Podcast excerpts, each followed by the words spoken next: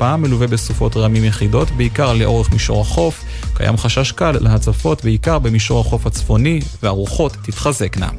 לכל מאזיננו, שבת שלום, אלה החדשות.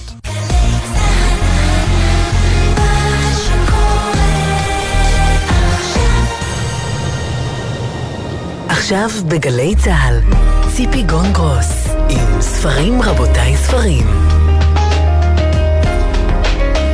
הבית של החיילים, גלי צה"ל.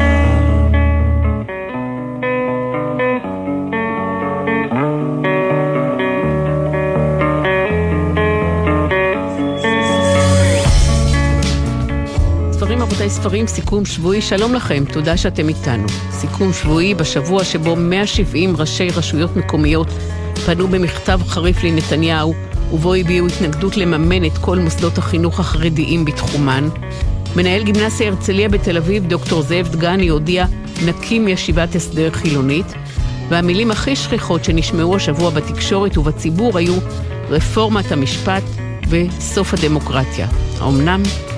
השבוע גם הלך לעולמו בגיל 84 המשורר הסרבי-אמריקאי צ'ארלס סימיק, שנחשב לאחד מגדולי המשוררים של התקופה. העולם לא נגמר, נקרא ספר השירה שלו, שזכה בפרס פוליצר וגם תורגם לעברית. ספרים רבותיי ספרים, אני ציפי גון גרוס, איתי המפיקות עשהאל פלד ותמנה צורי, על הביצוע הטכני ליאור רונן ודניאל שבתאי, בפיקוח הטכני אילן גביש. בשעה הקרובה נדבר עם דרור בורשטיין על הספר שלו "בדרך", שלוש נובלות שבאחת מהן הגיבור הוא הסופר אהרון אפלפילד. חמש שנים עלו עכשיו למותו של אפלפילד. נדבר עם יוסי וקסמן על הרומן שלו "ואלוהים הרג את הכלה", ונשמע מדוקטור איתן בולוקן על מורה הזן היפני אהי דוגן בעקבות הספר מורה הזן דוגן שאיתן בולוקן חתום עליו. ועם דוקטור יוסי אסף, חבר קיבוץ בית השיטה, נדבר על המשוררת דורית צמרת, שהלכה לעולמה לפני שבוע. והחיטה צומחת שוב, הוא השיר הכי ידוע שכתבה דורית צמרת.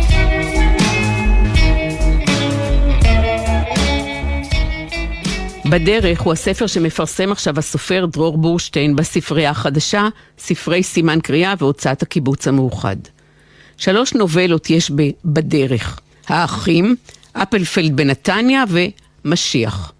באחים, אח בכור ואח צעיר, הבכור מלווה את הצעיר מלינץ לווינה, ומחכה לו בלונה פארק ליד הגלגל הענק, כשהצעיר באותו זמן נמצא בראיון קבלה כדי להתקבל ללמוד ציור באקדמיה לאומנויות בווינה, ונדחה, לא מתקבל. היום רצחנו את אמנו, אומר הצעיר לבוגר. מי אם לא היא קנתה לי ניירות וצבעי מים ופחם, אמא שהבחינה בכישרוני ואילו אני ביישתי אותה. והשנה היא שנת 1907.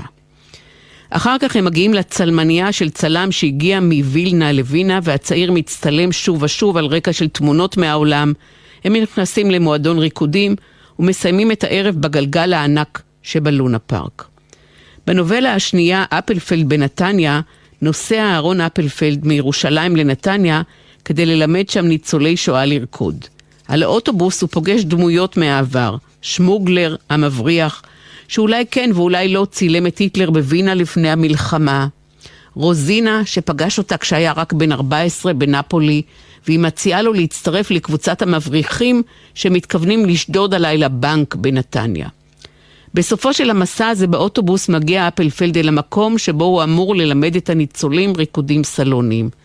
אבל הם מתקשים להתנועע. צל העבר כבד מאוד בחדר. סיפורי חייהם עמדו בחדר, הוא כותב, כמו הרים בלא פסגות. הנובלה השלישית, משיח, נפתחת במילים הבאות: על האופק עמד מלאך, בנתניה ראו אותו ראשונים. ברדיו סיפרה אישה אחת איך ראתה את המלאך נסחף מהאופק ברוח מעל הצמרות כמו שקית ניילון ריקה. מישהו אמר שהיו לו כנפיים, אישה אחרת אמרה שלא, לא היו לו שום כנפיים, והמלאך מסתגר בבית מכוסה ציפורים. בדרך הוא הספר, שלום דרור בורשטיין. שלום ציפי. גלגל הענק שמופיע בנובלה הראשונה מוזכר גם בשלישית. בראשונה הוא ממוקם בווינה, בשלישית בנתניה. המלאך מהנובלה השלישית נרמז כבר בנובלה הראשונה. הרוקדים במועדון מופיעים אצלך בנובלה הראשונה, בשנייה הם עומדים במרכז הסיפור. לנהג האוטובוס יש תפקיד משמעותי בנובלה השנייה והוא מופיע גם בשלישית. מה הקשר, דרור, בין שלוש הנובלות? מצד אחד אין ביניהם קשר ישיר עלילתי, מצד שני הן שלוש השתקפויות אני חושב של אותה הרגשה או אותם עניינים. אמ, הנובלה הראשונה שעסוקה בשני האחים האלה שתיארת, אה, אכן מופיעה בדמות שבעצם תחולל את ההיסטוריה ואת הגורל של כל הדמויות שמופיעות בחלק השני. והחלק השלישי הוא קשור באיזשהו אופן מקביל יותר, במובן הזה שגם הוא עסוק בתנועה קדימה אל עתיד לא ידוע.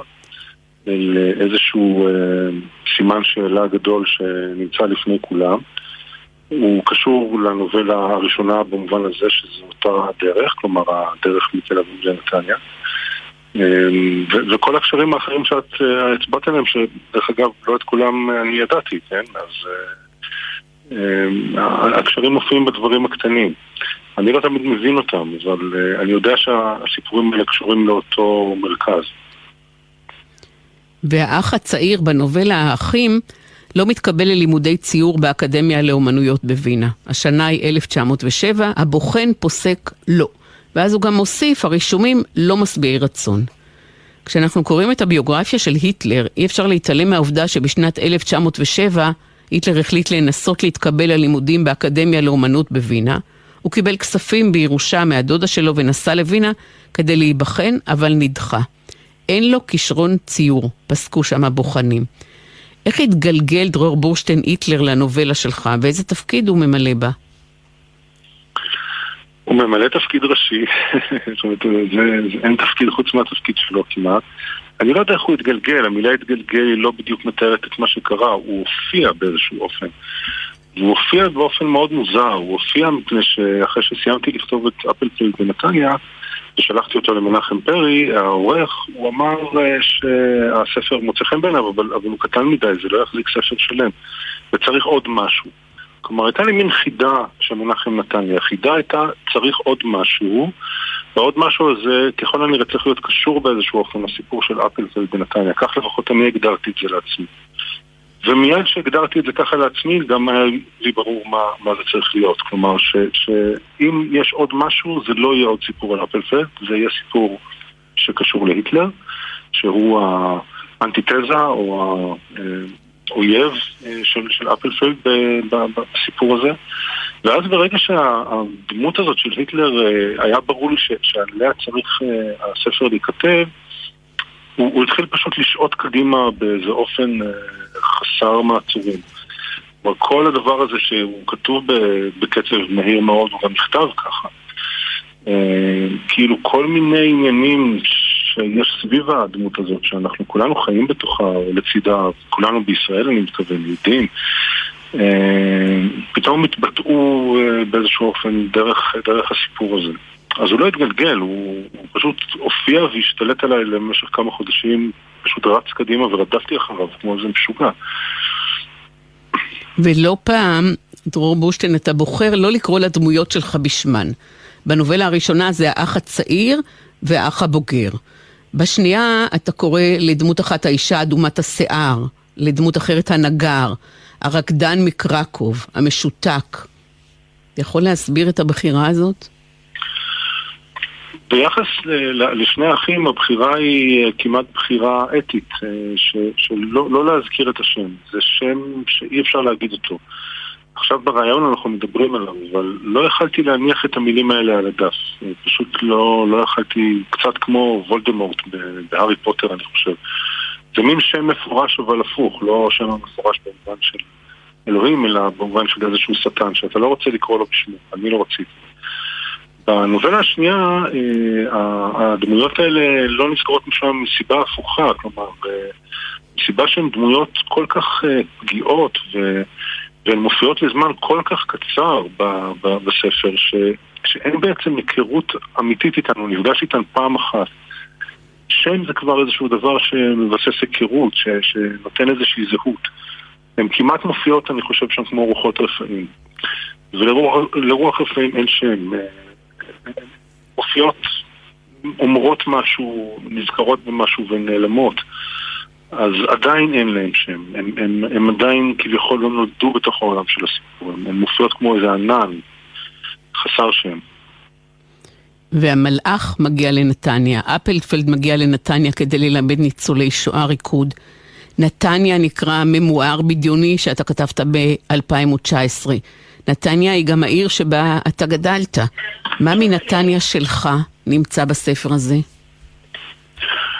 אמ, זה עיר שהיא בעצם קבועה באיזשהו אופן, יותר למשל מהעיר שאני גר בה כבר הרבה שנים, שזה תל אביב, ושאני מכיר אותה פחות מאשר נתניה, בזיכרון. אה, אז במובן מסוים כל נתניאתי יוכל להתמצא שם אה, ולהבין לאן הם הולכים ואיפה הם נמצאים ואיפה נמצא הבית של המלאך שזה הבית שבאמת כתבתי עליו בספר נתניה, שזה ברחוב דיזנגוף 25 אה, אבל מצד שני העיר משתנה לחלוטין, כמו כל המרחב בספר הזה. ובמובן הזה ההנאה שהייתה לי בספר היא לברוא את העיר הזאת מחדש באיזשהו אופן. כלומר, דווקא מתוך התשתית של הזיכרון, להזרים שם נהר וליצור שם מפל. ולהצמיח שם אה, כל מיני צמחיות אה, שאין בה. אה, כלומר, להפוך את העיר הזאת לספרות, לזיכרון. אני חושב שספרות זה מצב להיות, יותר, יותר נעלה להיות פה מאשר רק זיכרון של מה שהיה באמת. אפשר להתמצא בנתניה של הספר, אבל, אבל בעצם שום דבר שם לא, לא קיים כמו שהוא מתואר. ולמה בחרת לקרוא לספר בדרך?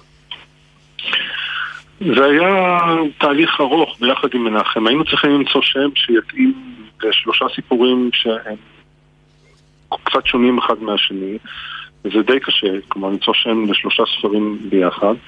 השם עלה בשיחה עם מנחם, מנחם פרי, ואנחנו שוחחנו, והוא התחיל ככה לדבר, לחשוב בקול רם ולהגיד מה הוא רואה בספר, מה יש בספר. ושמתי לב שמבין כל המילים שהוא אמר, המילה בדרך הופיעה פשוט עוד פעם ועוד פעם ועוד פעם איזה אולי עשר פעמים בתוך uh, חמש דקות. ופשוט החזרתי לו את זה ושאלתי אותו, שמת לב על המילה החוזרת? הוא אמר, לא, לא. אמרתי לו, בדרך. ואז השתררה שתיקה, וזהו, וזה, וזה נהיה השם של הספר.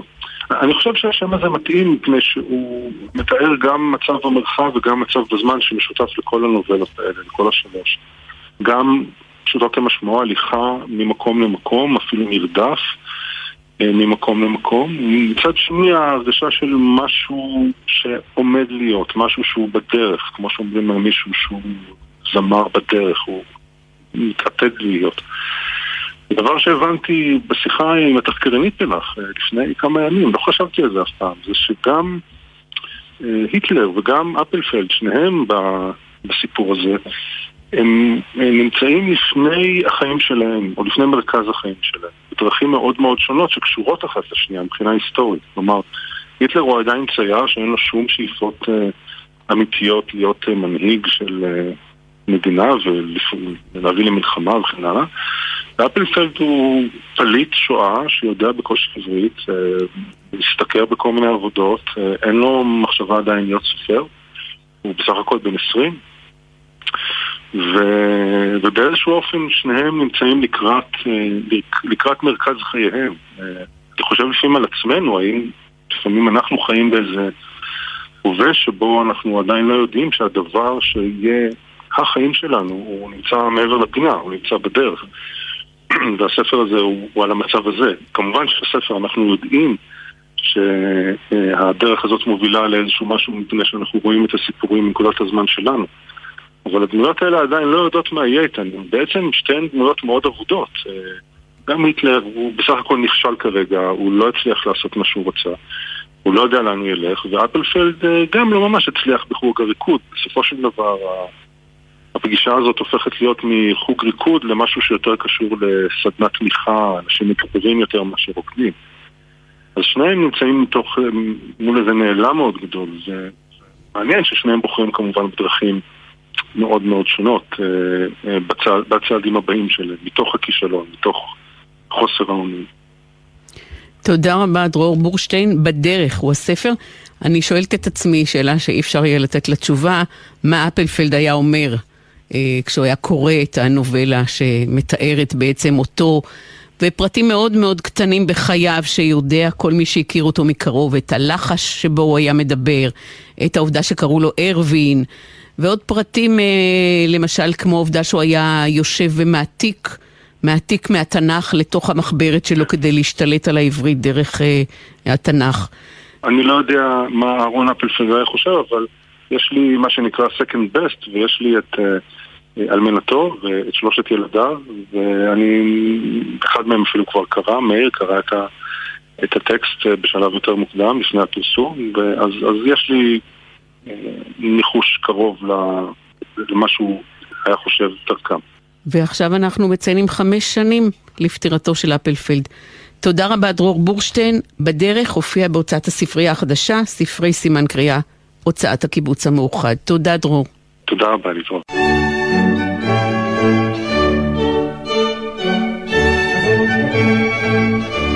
ואלוהים הרג את הכלה, הוא הרומן החדש של הסופר יוסי וקסמן. שלוש נשים, בנות משפחה אחת מירושלים, הן הגיבורות של הספר. הגיבורה של החלק הראשון היא פרד, השנה 2019 בקירוב. פרידה נעימה הוא השם המלא שלה. בת יחידה לאדון שב"כ וגברת מפקחת של משרד החינוך. אבא שלה, מאז שעזב את השב"כ, מרפא חולים בקליניקת הניסים והנפלאות, שהוא ואימא פתחו בסלון שלהם. פרדי לסבית, בת הזוג של איריס, אושיית אינסטגרם, והיא לא מבינה למה בשנת 2019 צריך בכלל להתחתן. הגיבורה של החלק השני היא שושנה רוזה, והשנה היא 1929 בקירוב. שושנה רוזה היא עדיין ילדה, תכף בת 15, היא נמוכה, וכבר רוצים שתינשא ליונתן שאודיניסקי, המהנדס מווסטפליה. שושנה רוזה, שמציירת נהדר, לא רוצה להתחתן עם יוחנן. היא רוצה את הנגר השתקן, המטומטם, הגבוה מאוד, טוויל בשפת ירושלים, שלמה סולומון לוי, ובתחבולות היא מזמנת אליו את אחותה הבכורה מנוחה ויקטוריה, כדי שהיא תינשא לו. הנה מה שהיא אומרת ליוחנן, שאומר לה שהוא אוהב אותה ולא את אחותה. אותי? לא כדאי לך, יוחנן, אני רעה וטיפשה, רק צרות אני אביא לך. אמא שלך תזרוק אותי מהר מאוד. אני צרה צרורה, יוחנן, אני מחלה, אני מכשפה, אני גם כמעט כמעט נוצרייה. והגיבורה של החלק השלישי היא נעמה, והזמן 1989 בקירוב. לפני שנה נעמה חזרה בתשובה, ועכשיו היא כולה מלאה סרטן. סרטנים, כותב יוסי וקסמן. רק חמישה חודשים זה מה שהרופאים הותירו לה. עד חג השבועות היא כבר תחגוג עם התולעים מתחת לאדמה. ובדרך לתולעים היא גם מנהלת רומן עם האונקולוג שלה, דוקטור ראובן יוגב. הוא נשוי, יש לו שלושה ילדים וחתול סיאמי. אני ראובן, הוא אומר לה, אבל את יכולה לקרוא רובי. ואלוהים הרג את הכלה, הוא הספר שהופיע בהוצאת קתרזיס. שלום יוסי וקסמן. שלום ציפי. מלבד היותן נשים בנות אותה משפחה, מה משותף לשלוש הנשים האלה? פרד, שושנה רוזה ונעמה. אני חושב שמה שמשותף להן זה שהן לא רק רוצות, הן נקלעות לסיטואציות שגורמות להן להיות אה, מרדניות, אבל בדרך הן כאילו, הן בעצם חוזרות באיזשהו, באיזושהי דרך לאמונה. כלומר, הכל מתחיל באלוהים, שבעצם ברא, מי ברא את אלוהים? הגבר ברא את אלוהים. למה הוא ברא את אלוהים? כדי לעשות, לעשות לו חיים קלים, כדי שהוא יוכל לשלוט בדברים אחרים, וכמובן כדי שהוא יוכל לשלוט בנשים, להחביא אותם בבית פנימה וכאלה. והאלוהים הזה שנמצא שם בספר, מרחף כל הזמן מעל, מעל השלושת הנשים האלה, אז הן גם מורדות בו, אבל הן גם בסופו של דבר חוזרות אליו. אפילו פרדי, שקוראת לה טרגדיה מאוד גדולה במהלך הספר, פתאום מוצאת את עצמה, אה, אה, למרות שהיא כאילו קוראת לעצמה רדיקלית חופשית, היא בעצם חוזרת לאמונה דרך חברה חדשה שלה שהיא אישה מנשות הכותל. כל מיני דברים כאלה, וזה בעצם המוטו של הספר. כלומר, הקטע של האלוהים שיצר אותו הגבר, ושכל כך אה, מתענה לאישה וגורם לה לכל כך הרבה אומללות וקשיים, ויש איזה קטע שמישהי רוזה אומרת שהמילה משפחה היא, זה כל כך, זה כמו רעל, כל אישה כל פעם צריך, צריכה, לחשוב על זה שהעיקר זה המשפחה ואיפה היא נמצאת. יש שם אנשים שגם פתאום, את יודעת, יש את תופחה, האימא של שושנה, שהיא רוצה להיות גבר, שהיא בעצמה לא יודעת איך, לא יודעת איך להסביר את הדברים האלה במילים, כי היא אישה שהיא יחסית ארכאית מסוף המאה ה-19. היא אומרת, אני רוצה להיות גבר. זה פחות או יותר הרוח של הדברים שכאילו מרחפת מעל פני הספר הזה, הקטע של אלוהים הזה שנוצר ושאיכשהו הן גם חוזרות אליו בכל מיני דרכים. כמובן בדרכים שהן נשיות, כלומר לא סתם אני נכנסתי לשם את נשות הכותל שרוצות להניח תפילין ולשים טלית ולקרוא בתורה בקול רב, מה שכמובן אסור להם. וכשהן עושות את זה אז החבר'ה מעזרת הגברים מיד זורקים עליהם בכותל שם כיסאות וצועקים עליהם ולא נותנים להם אה, לאהוב את אלוהים כמו שהגברים רוצים לאהוב את אלוהים וזה בעצם הסיפור מעבר לזה שזה הכל בירושלים וזה סוג של סיפור האהבה שלי לירושלים, אבל לא לירושלים דרך האבנים ודרך המסורת, אלא דרך הנשים האלה של ירושלים, שהרבה פעמים היו מאוד מאוד אה, אומללות בדרך כזאת או אחרת. ואפשר לומר, יוסי, שזה קודם כל ספר שיוצא נגד הפטריארכליות. לחלוטין, ובאיזה עיתוי, אני רק חושב על העיתוי. רק שלשום הם החליטו לח, לחקוק חוקים, כמו למשל שאסור לאישה לעשות ניתוח קיסרי מסוג מסוים, כי זה כנראה נגד ההלכה ונגד שמע ההלכה וכל מיני דברים כאלה. כלומר, המלחמה שלי בתור המיעוט הקטן, אני כהומוסקסואל, מזדהה עם המיעוט הגדול, שזה בעצם אנשים. כלומר, שאני רק חושב על זה, שבעצם... אה, אה, מה רוצים בסופו של דבר, מה אותה פטריארכיה רוצה? היא רוצה, כמו שכתוב בתנ"ך, לשלוט בה, להחביא אותה בבית פנימה. וזו המלחמה שלי, בתור המיעוט הקטן, שמזדהה, ואני גם מעריץ את המיעוט הגדול. הלוואי שהמיעוט הגדול היה זה ששולט בעולם, ולא כמו החתולות שלי בחצר פה, שאצל חתולים החברה היא מטריארכלית, כלומר, מי ששולט פה אצלנו בחצר זה שתי הטריקולוריות, השחורה והלבנה, ונראה שאיזה חתול גדר ייכנס פה ויעז לעשות להם משהו. הלוואי שזה היה ככה אצלנו, גם בכנסת. ומה אומר הספר שלך, יוסי, על אהבה? אהבה, כלומר בוא נגיד ככה, אה, הגיבורה פריידי שהיא מתחילה את הספר כרדיקלית ולסבית והיא שונאת את הפטריארכיה ויש לה בעיות גדולות מאוד עם זה שאבא שלה פתאום גילה את אלוהים והוא מרפא בכל מיני בקמעות ובלחשים. אז לקראת סוף הספר היא אומרת למאהבת שלה שהיא אישה מנשות הכותל שהיא אישה שהיא בעצם מתנחלת אישה מאוד דתית, כמעט חרדית, מהתנחלות בשומרון, היא אומרת לה שאני רואה את ה... אני חושבת שאלוהים נמצא באהבה שלך לילדים ובאהבה שלי אלייך. כלומר, זה מה שאני חושב שזה, על, על זה אני מדבר. ש, כלומר, אלוהים הוא יכול גם להשתמע כאהבה. ויש בספר מרכיבים שמחוברים לביוגרפיה שלך? אמ, כן, אכן. שושנה רוזה היא הסבתא שלי, האימא של אימא שלי, והיא אכן אה, אה, בת דמותה של שושנה רוזה בסיפור. כי כמו שאת יודעת, ציפי, אני כבר סיפרתי לך על אסתר של הסיגריות ועל, ועל אה, אה, אה, מרוב תשוקה, כל החבר'ה האלה תמיד נמצאים, זה חבר'ה שנמצאים בחיים שלי. אז כמובן שפיתחתי את זה, אבל סבתא שלי, אני לא אשכח, כשהיינו ילדים, תמיד היה לנו, בחנוכה תמיד הייתה נזכרת, ומיסיס קלארק מהמיסיון. היא הייתה בת ליישוב הישן, הם היו חבר'ה, הם גרו בשכונת הגיע כפיים בירושלים. ההורים שלה, ההורים של ההורים שלהם עלו מעיראק, לא יודעת אם על חמורים.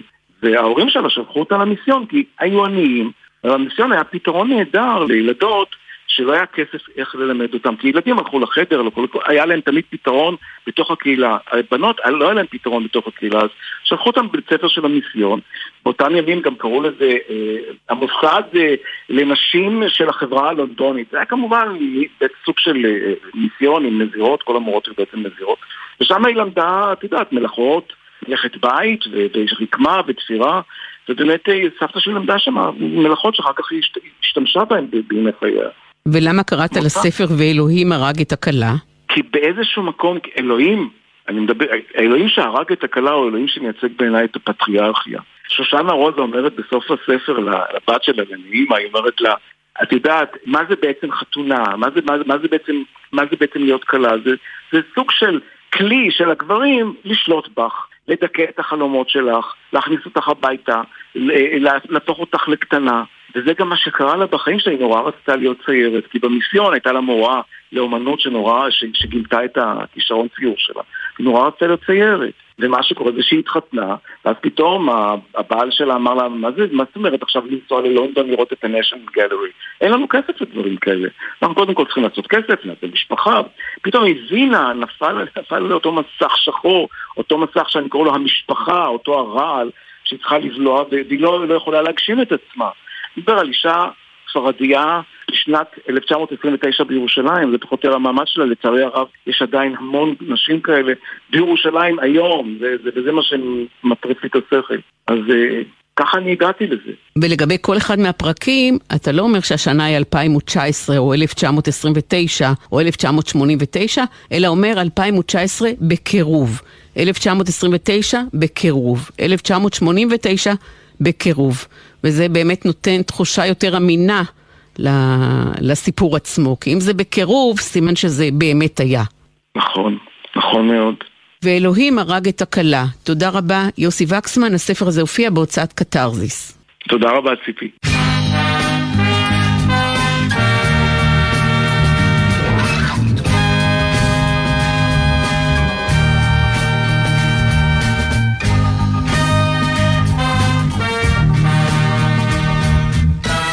הזן. מה האסוציאציות הראשונות שקופצות לראש למשמע המילה זן? בודהיזם, יפן, מדיטציה, ישיבה מיוחדת, מורה הזן, וכמובן הספר זן ואומנות החזקת האופנוע, שהיה רב מכר היסטרי במאה שעברה. מורה הזן היפני היי דוגן, שחי במאה ה-13, נחשב כאחת מדמויות המפתח להבנת החוכמה והעושר של מסורת הזן היפנית, שחלק מהזרמים שלה התגלגלו גם למערב. בהוצאת מגנס, האוניברסיטה העברית בירושלים, מופיע עכשיו הספר מורה הזן דוגן, מבחר כתבים של דוגן, שתרגם מיפנית באר והוסיף להם פרקי רקע, דוקטור איתן בולוקן, איש אוניברסיטת תל אביב. שני חלקים לספר, שער התרגום, ויש בו תרגומים מיפנית לחיבורים המרכזיים של דוגן, וגם הסברים על אורח החיים והמחשבה שלו, ושער הביאור, שבו איתן בולוקן מחבר בין המקורות העתיקים לבין דוגן. שלום דוקטור איתן בולוקן. שלום, שלום. בוא נתחיל ברשותך, איתן, מאלף. מהו הזן בקליפת אגוז כמובן? זן הוא אה, צורת חיים, אה, דת, אפשר להגיד, שהתפתחה בעיקר בסין, אה, החל מהמאות השמינית והלאה. והגיע לאחד מהפיתוחים הכי משוכללים והכי עמוקים שלה במזרח אסיה בכללה וביפן במאה ה-12-13, זה בעצם אסכולה בודהיסטית אה, יחסית מודרנית שהגיעה לאיזושהי פריחה, פריחה מאוד מאוד יפה במאה ה-13. ואיי דוגן נחשב למייסד אסכולת הסוטו של הזן היפני, מייסד דת נכון. הישיבה.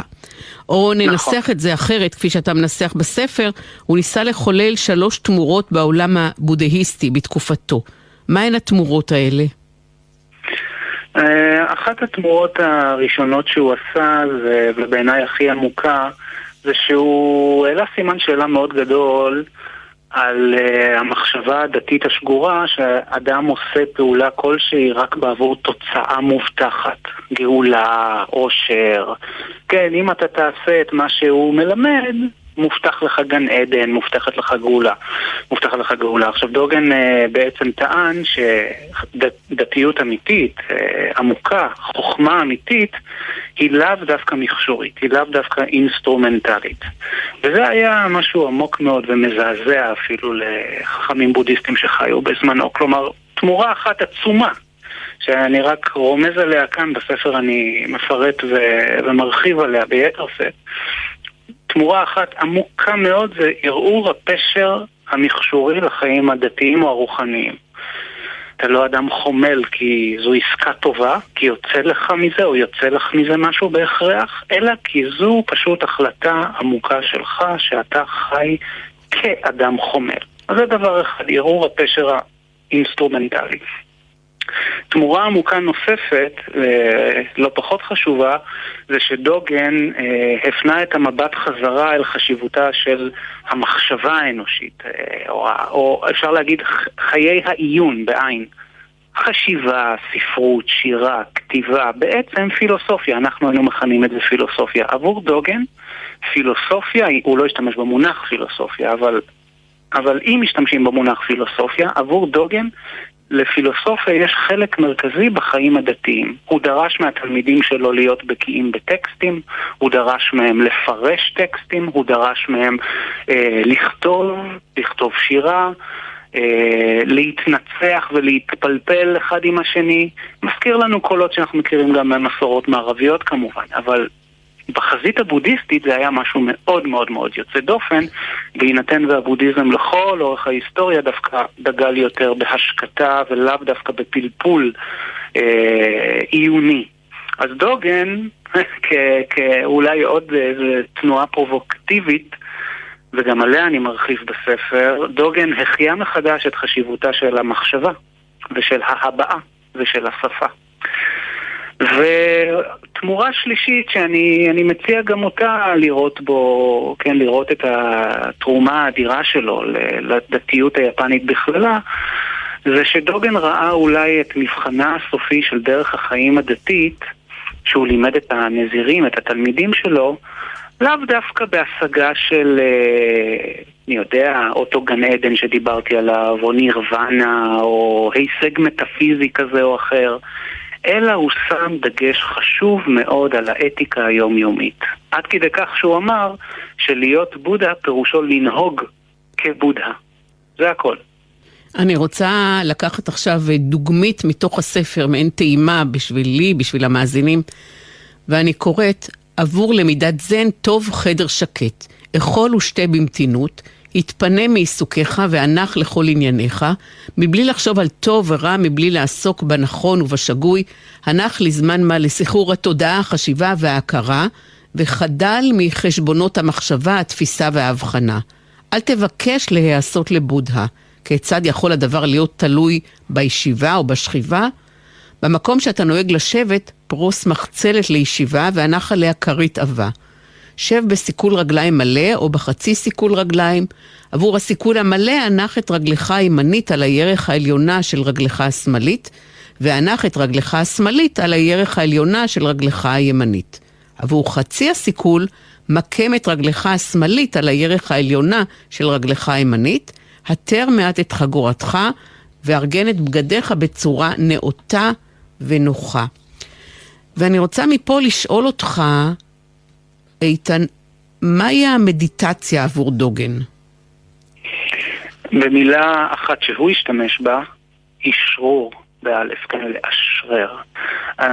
אנחנו יושבים במדיטציה לאו דווקא כדי להשיג נירוונה, אלא כי המדיטציה מאשרת את קיומנו, אמר דוגן, כמי שיושב במדיטציה.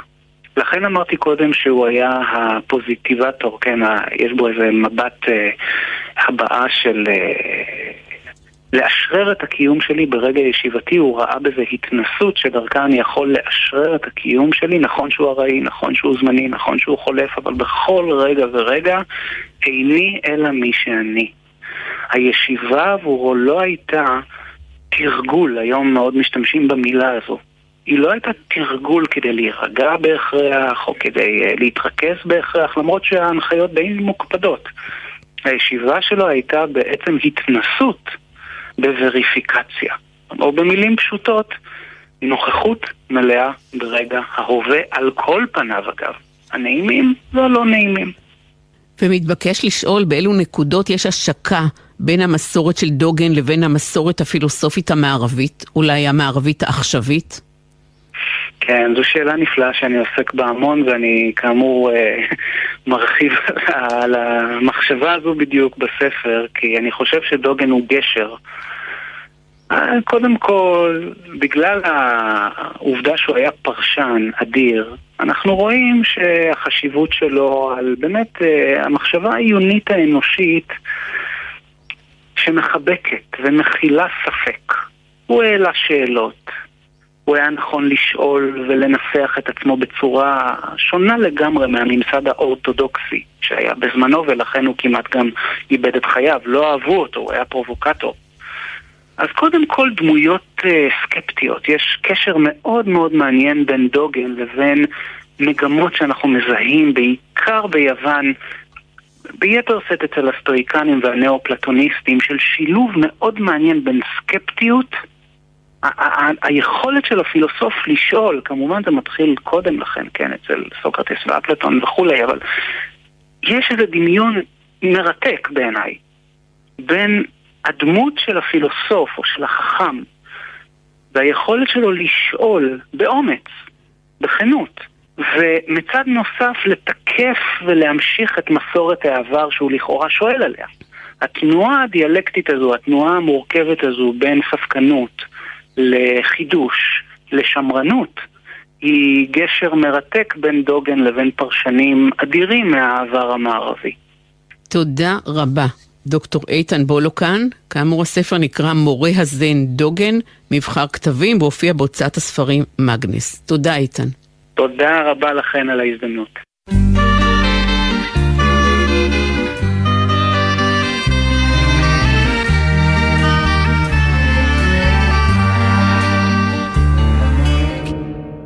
הפזמונאית, אולי נכון יהיה יותר לומר המשוררת, דורית צמרת, חברת קיבוץ בית השיטה, הלכה לעולמה לפני שבוע.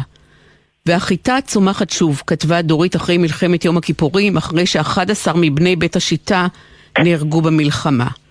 שדות שפוכים מאופק ועד סף, וחרובים וזית וגלבוע, ואל ערבו העמק נאסף, ביופי שעוד לא היה כמוהו. זה לא אותו העמק, זה לא אותו הבית. אתם אינכם ולא תוכלו לשוב. השביל עם השדרה, ובשמיים עית, אך החיטה צומחת שוב. מן העפר המר היריות עולות, ועל הדשא ילד וכלבו, מואר החדר, ויורדים לילות, על מה שבו ומה שבליבו. והחיטה צומחת שוב הוא השיר, מה זה, אם לא שירה יפהפייה ונוגעת. דוקטור יוסי אסף היה נשיא מכללת סמינר הקיבוצים, הוא נולד יחד עם דורית באותה שנה בבית השיטה, והיה ידיד נפש שלה כל החיים. שלום יוסי. שלום ציפי. בוא נשמע יחד את דורית בריאיון שנתנה לאפי טריגר כאן בגלי צה"ל. אני חושבת שאנשים אה, מקווים להיאחז באיזשהו שבב של תקווה, וחיטה יכולה לכאורה לייצג משהו שצומח אחרי שדברים נגדעים. אה, אני מניחה שזה העניין שהיה בשעתו, ולגביי זה היה איזשהו סוג של אה, הפתעה נורא מדהימה, לא תיארתי לי שאחרי אסון כזה ושבר נורא, אה, פתאום השדות יוריקו והחיטה תצמח. שמענו את קולה של דורית צמרת מריאיון שנתנה לאפי טריגר. דורית יוסי כתבה הרבה שירים, זה רק מילים, יש מה לספור, סיפור אהבה, כל זה תם ולא נשלם יותם לזכר יותם לוטן, בן בית השיטה שנהרג במלחמת לבנון השנייה. מה מכל השירים שלה היא הכי אהבה?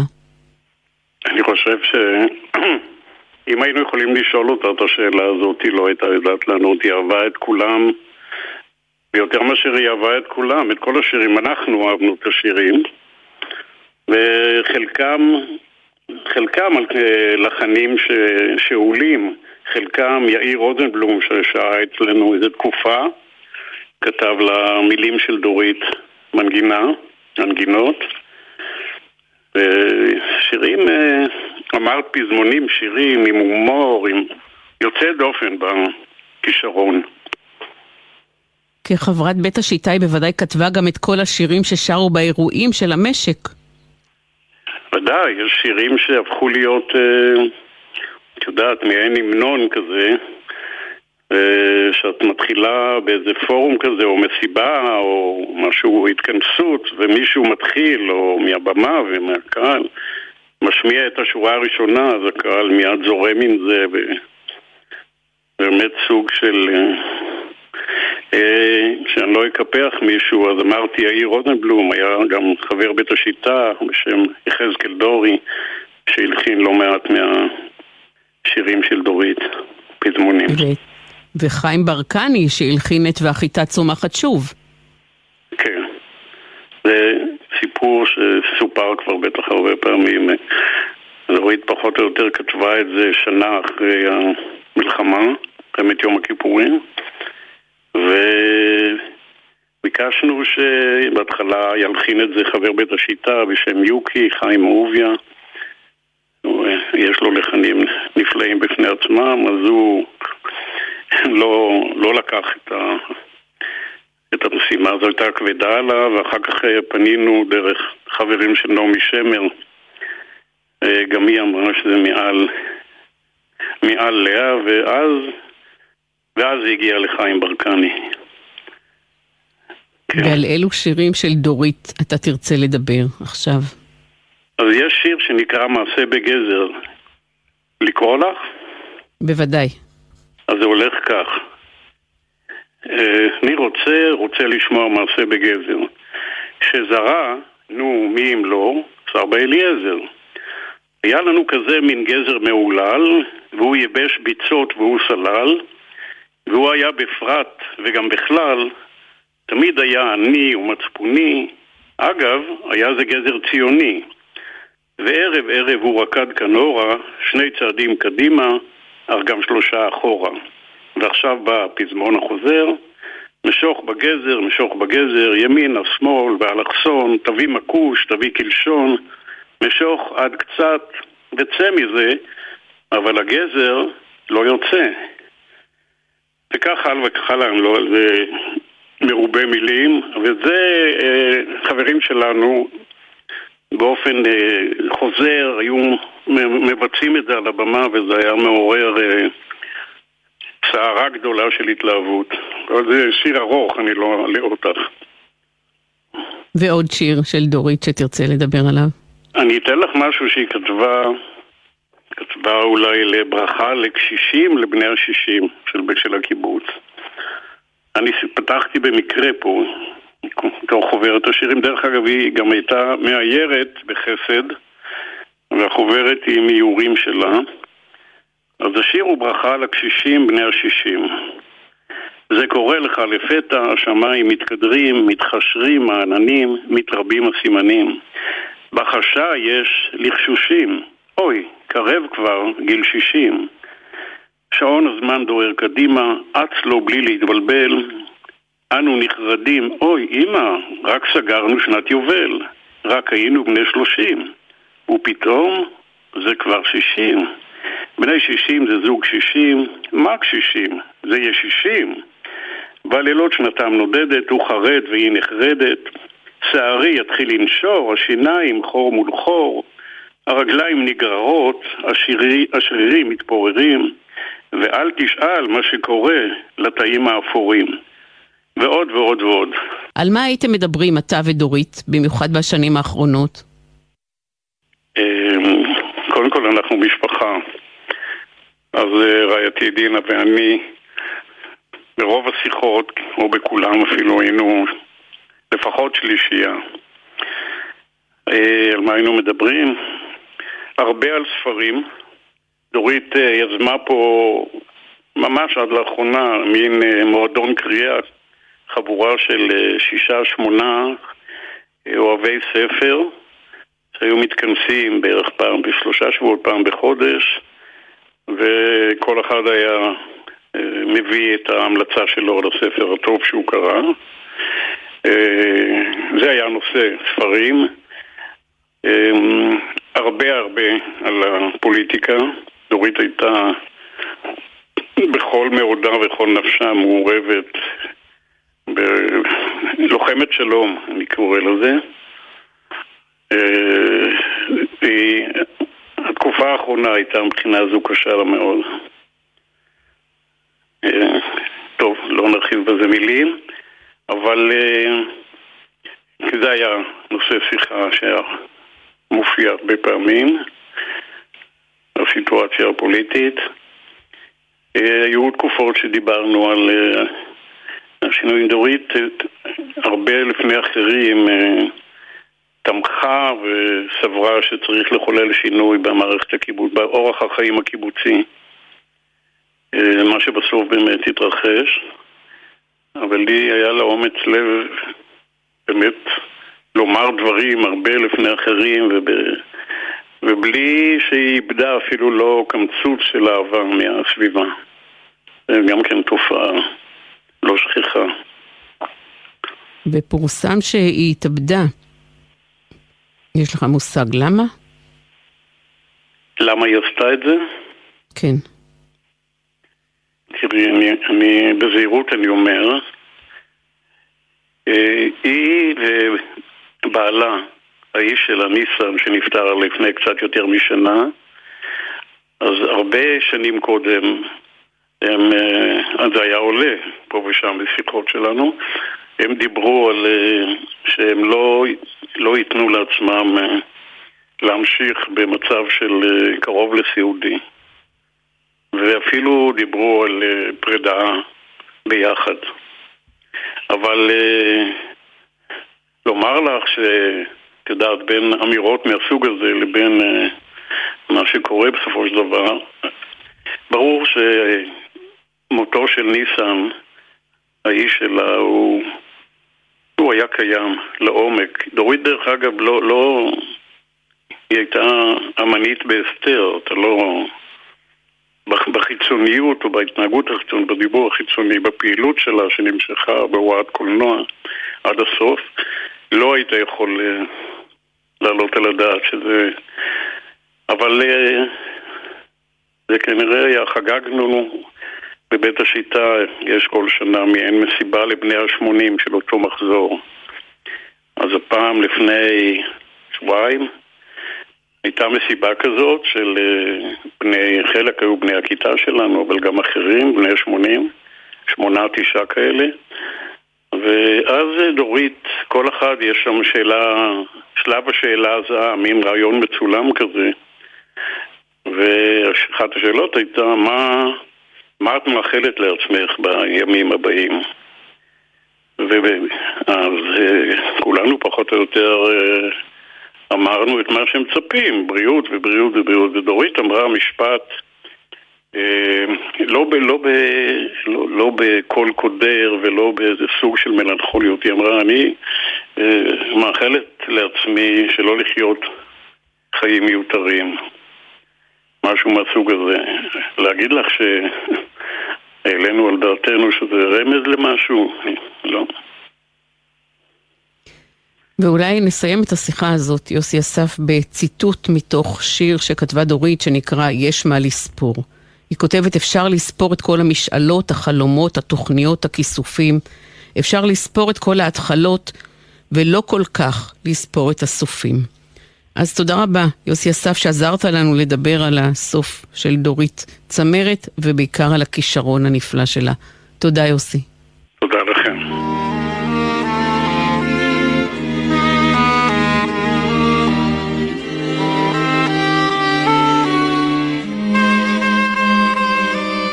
שדות שפוכים הרחק, מאופק ועד סף, וחרובים וזית וגלבוע, ואל ארבו העמק נאסף, ביופי שעוד לא היה כמוהו. זה לא אותו העמק, זה לא אותו הבית, אתם אינכם ולא תוכלו לשוב, השבילים השדרה ובשמיים החיטה צומחת שוב. השבילים השדרה ובשמיים היית, אך החיטה צומחת שוב.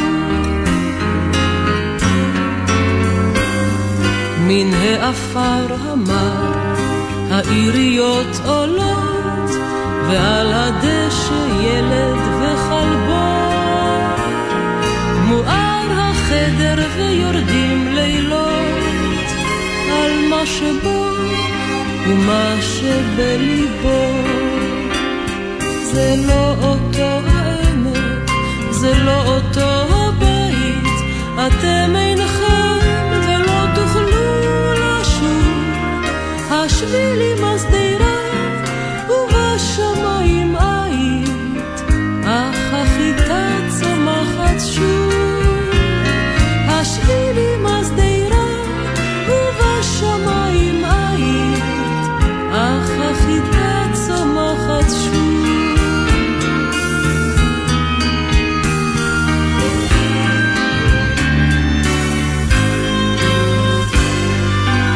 וכל מה שהיה אולי יהיה לעד, זרח השמש, שוב השמש בא. עוד השירים שרים, אך איך יוגע כל המכאוב וכל האהבה. הן זה אותו אמת, הן זה אותו...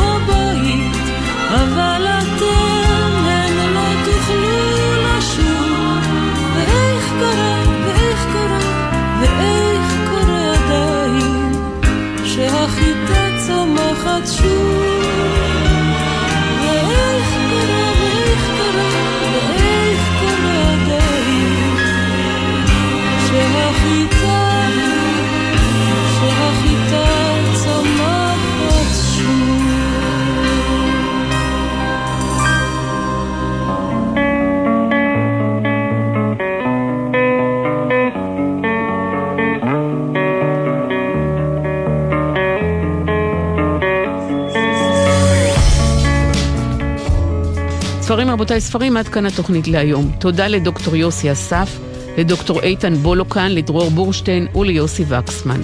ספרים גון גרוס כרוכית Gmail נקודה com מכתובת המייל לתגובות שלכם. אני חוזרת ספרים גון גרוס כרוכית Gmail נקודה com. באתר גלי צה"ל וגם ביישומון תוכלו להאזין שוב לתוכנית. דף הפייסבוק שלנו מזמין אתכם לעשות לנו לייק. הפיקו את התוכנית תמנת צורי ועשהאל פלד, על הביצוע הטכני ליאור רונן ודניאל שבתאי, בפיקוח הטכני אילן גביש. המלצה קצרה לסיום, ביום שישי הבא, 20 בינואר, בשעה 12, יערוך התיאטרון הקאמרי אירוע השקה לספר "אושר מאחורי העצים", שכתבה רונית מטלון. יש בספר נובלה אחת סיפורים וגם טקסט שכתבה רונית מטלון בגיל 14. חמש שנים מלאו עכשיו למותה של רונית מטלון. הסופרת מיכל בן נפתלי תנחה את האירוע, רבקה מיכאלי תקרא קטעים מתוך הספר, ובין המשתתפים באירוע דרור משעני, דנה אמיר, עינת יקיר וגם ענת מושקובסקי שתשיר. ביום שישי הבא, בשעה 12, בתיאטרון הקאמרי. ספרים רבותיי ספרים, אני ציפי גון גרוס, שתהיה שבת של שלום ושמחה, ואחרי השבוע מצוין.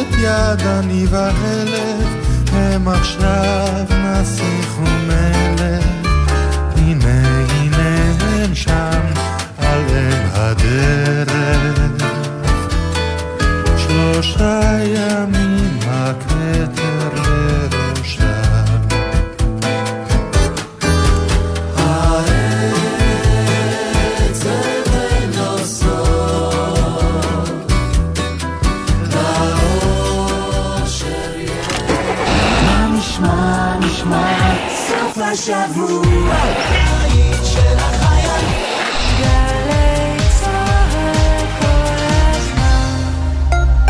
זה אותו מסלול ההליכה לעבודה, הביתה או ללימודים. אבל בחורף זה לא אותו הכביש. הולכי רגל. בחורף קשה לנו הנהגים להבחין בכם ולבלום בזמן במקרה הצורך. בלבוש בהיר ומחזירי אור תבלטו יותר בדרך. ואת הכביש חצו רק במעבר חצייה, אחרי שאתם מוודאים שהכביש פנוי. הרלב"ד, מחויבים לאנשים שבדרך. עם מי הייתם רוצים לשבת לקפה? קפה כזה של שבת בבוקר. ברגע של נחת, שאפשר לדבר על הכל. נורית קנטי מזמינה אתכם להצטרף אליה בכל שבת ב-8 בבוקר לשיחה אישית עם דמויות מפתח בחברה הישראלית. והשבוע, השחקן, הקומיקאי ואומן השירה המדוברת יוסי צברי. מחר, 8 בבוקר, גלי צה"ל. הוא התחיל בלאונרדו. ליאונרדו יודע. המשיך עם ניסים. ניסים תשמע. ואז הגיע מרי, פרחה במרצדס, אישה לוויתן, הנסיכה שלו, ועוד עשרות אחרים שהצטרפו אליו במהלך 25 שנות יצירה. עברי לידר חוגג 25 שנה במופע מיוחד עם כל הלהיטים הגדולים. מחר, תשע בערב, היכל התרבות תל אביב, ובשידור חי בגלי צה"ל.